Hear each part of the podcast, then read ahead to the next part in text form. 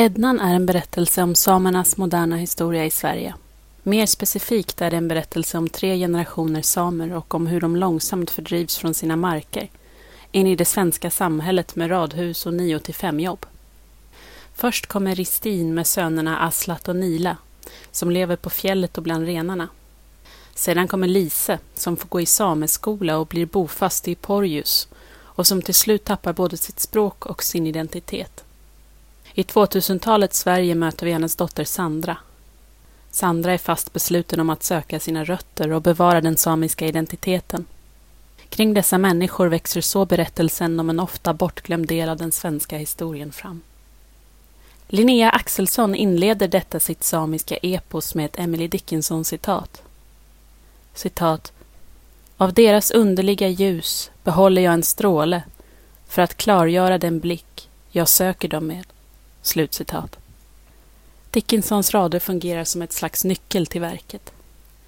Ednan är lika mycket en meditation över hur den enskilde ska förhålla sig till de som kom före som en berättelse om samernas moderna historia i Sverige. Hur förstår man en kultur som förnekats en? Med vilken blick ska man då betrakta det förgångna? Kan man identifiera sig med det? Eller förblir man en främling? Eller ännu värre, en turist? Som en av Axelssons berättare, Per, uttrycker det. Citat. Men jag kan inte uttyda någonting av folkets och markernas historia. Ifall man kanske förr hade tyckt att fjället där borta liknar något särskilt. Denna komplexa hemlöshet är genomgående i Ednan. Axelsson gestaltar ett slags exil som är både yttre och inre, där hennes generationer av samiska familjer gradvis fördrivs från sina fädernesmarker och sitt språk. De har inget land att kalla sitt eget och deras tillhörighet till landskapet ifrågasätts ständigt av den svenska staten. Det är en ambitiös berättelse, som sig bör när en poet väljer att kalla sitt verk epos. I intervjuer har Linnea Axelsson antytt att hon kanske borde ha undvikit just den genrebeteckningen, men den känns förvånansvärt motiverad. Eposet som genre handlar ju om resor och hemkomster, om nationsbyggande och nationell identifikation. Engelsk litteraturforskning har länge intresserat sig för den nationalistiska dimensionen i mottagandet av grekiska och latinska epos.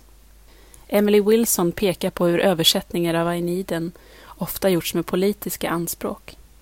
När den skotske poeten Gavin Douglas 1513 färdigställde sin Aeneados, skriven på medelskotska, var det prestigefullt för Skottland och blev även startskottet för en poetisk renässans. Ordet Ednan ligger ju så lockande fonetiskt nära både Eddan och Ainiden. Även om det egentligen är gammal nordsamiska för landet, marken och jorden. Men jag väljer att låta äldre tiders hjältesånger och deras höga anspråk dröja kvar under läsningen av Ednan. Eftersom dikten är så pass politisk och dessutom tecknar en vid båge från språklöshet till återvunnet tal som går att jämföra med eposets traditionella tematik. Berättelsen börjar med den autistiske pojken Nila som lever på det tidiga 1900-talet och inte talar alls. Och den slutar i vår tid med Sandra, som är aktivist och lär sina barn samiska. Om samiskan är det samtidigt bortträngda och efterlängtade språket i Ednan så är Linnea Axelssons svenska sparsmakad, renskuren och karg. Hennes strofer liknar faktiskt Dickinsons, korta och kompakta, ensligt placerade öar i det vita fält som boksidan utgör. Jag frestas att säga något här om landskapets inverkan på typografi och form, och kanske ligger det något i det.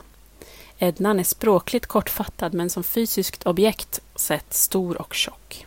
Boken är närmare 800 sidor, som ville den avspegla och bestrida de territoriella konflikterna mellan det samiska folket och den svenska staten, där citat ”Vårt land, den här marken, vi döpt så länge”, slutcitat, beskurits och delats upp trots att den, citat, hela tiden har sträckt sig tvärs över norra Skandinavien och en bit av Ryssland. Slutcitat. Jag associerar till annan poesi skriven i skärningspunkten mellan hemma och borta. Kärlek till landet och förfrämligande inför detsamma. Som i den ryske författaren Sergej Lebedevs mäktiga Gulag-roman Vid glömskans rand. Lebedev börjar sin roman vid citat ”språkets slut”, slutcitat. I hans fall där Europa möter Asien en plats där gränser blir meningslösa för att de inte längre går att beskriva. Lebedev letar efter ett sätt att berätta om kommunismens fasor på. Linnea Axelsson illustrerar dödläget som uppstår när den svenska byråkratin krockar med Girjas samebys krav. Citat, statens advokater, slutcitat, skrattar åt byn, citat, när de hävdar sin rätt, slutcitat, eftersom, citat, den inte bygger på sådana skriftliga dokument som den svenska kulturen är gjord av, slutcitat, utan istället på, citat, markernas alla spår av närvaro, handling och liv. Slutcitat. Viktor Malm skrev i Expressen den 30 tredje att Ednan mest liknar ett citat slags radbruten prosa, slutcitat, som saknar citat formuleringsglädje, slutcitat. Det håller jag inte med om. Det är sant att Axelssons språk inte är svårt och kanske är det inte särskilt nyskapande. Men är det ett krav för att något ska få kallas poesi? Dikten handlar om tradition, återupptäckt och bevaring och om ett språk som behöver läkas innan det kan växa. Citat. Någon gång växer en annan röst fram. Men det blir en annan, inte samma. För den rösten blev inte. Slutcitat. Den sorgsna ton som ljuder genom Ednan säger att det som förlorats aldrig kan återvinnas. Även om Sandra nu kan tala samiska låter hon, citat, som en bok helt utan dialekt, slutcitat. Eftersom Axelsson låter sitt persongalleri tala var för sig, korsklippta, finns inte riktigt plats för det komplexa arvet av skam och skuld att utvecklas och bearbetas. Sandras mor Lise sitter på ett språkcafé i Porjus och sörjer sitt borttappade språk. Men Axelsson låter henne aldrig tala med Lise, bara om henne. Överhuvudtaget är diktens struktur något splittrad och spretig, samtidigt som de olika rösterna inte alltid är tillräckligt definierade. Risken är att läsaren förlorar sig i ett odifferentierat flöde. Eller är det kanske en möjlighet?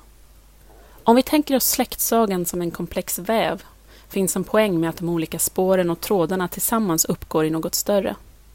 Så framträder en långsam växelverkan mellan sorg och glädje, styrka och svaghet.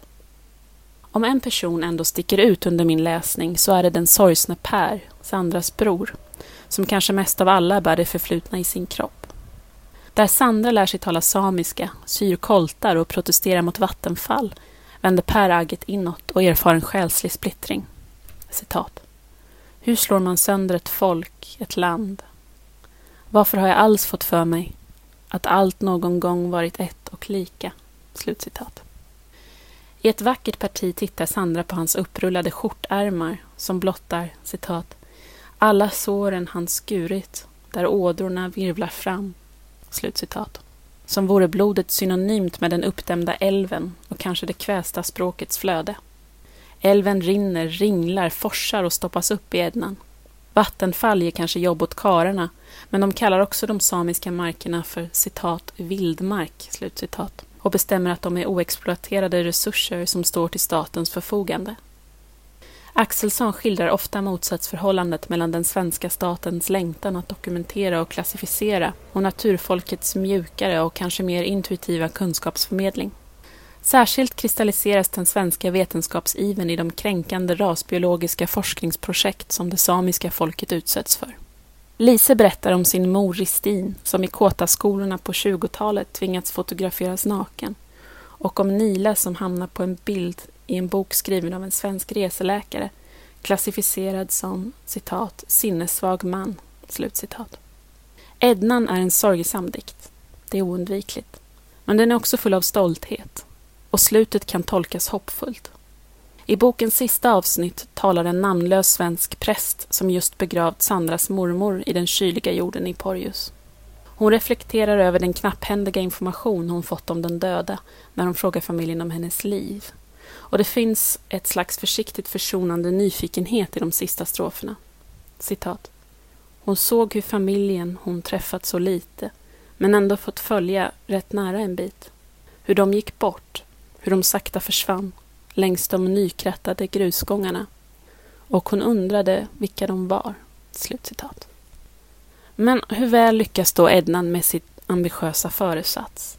att ta sig an frågor om främlingskap, identitet och tillhörighet. Om individens roll i historien. Ja, sådär faktiskt. Det finns ironiskt nog ett slags förfrämligande över eposet. som jag misstänker delvis är en konsekvens av Axelssons berättarteknik. Även om det finns en poäng i att låta ett flöde av röster rinna fram över bokens sidor så berövar greppet samtidigt verket på sann intimitet.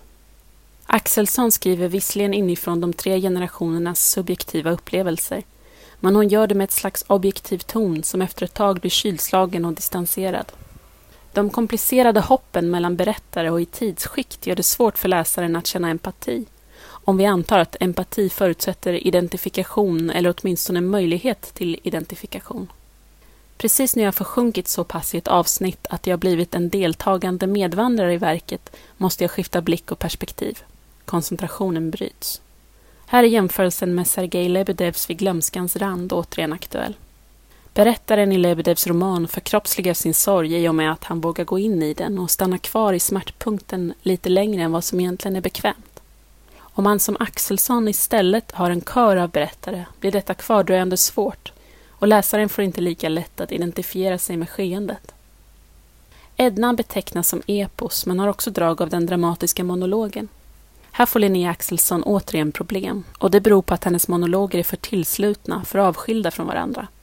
Även om monologen består av en människas tal så bör där finnas en vilja till kommunikation och meningsutbyte. Liksom litteraturkritiken M.H. Abrams anmärker karaktäriseras den traditionella dramatiska monologen av att den har en tyst interlokutör som genom sin blotta närvaro påverkar vad som sägs och vilken laddning det får. Men vem är det som lyssnar i Ednan? Är det jag som läsare eller de andra personerna i verket?